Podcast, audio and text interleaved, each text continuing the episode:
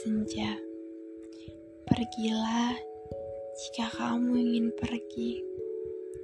Aku tidak akan memaksamu untuk selalu tinggal, karena aku tahu duniamu bukan cuma aku, tetapi aku akan terus berada di belakangmu sampai kamu sendiri yang menyuruhku untuk pergi.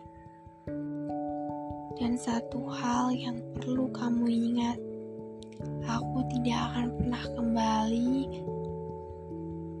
pada orang yang telah menyuruhku untuk pergi. Karena bagiku, itu hanya sebuah masa lalu yang hanya untuk dikenang, bukan diulang.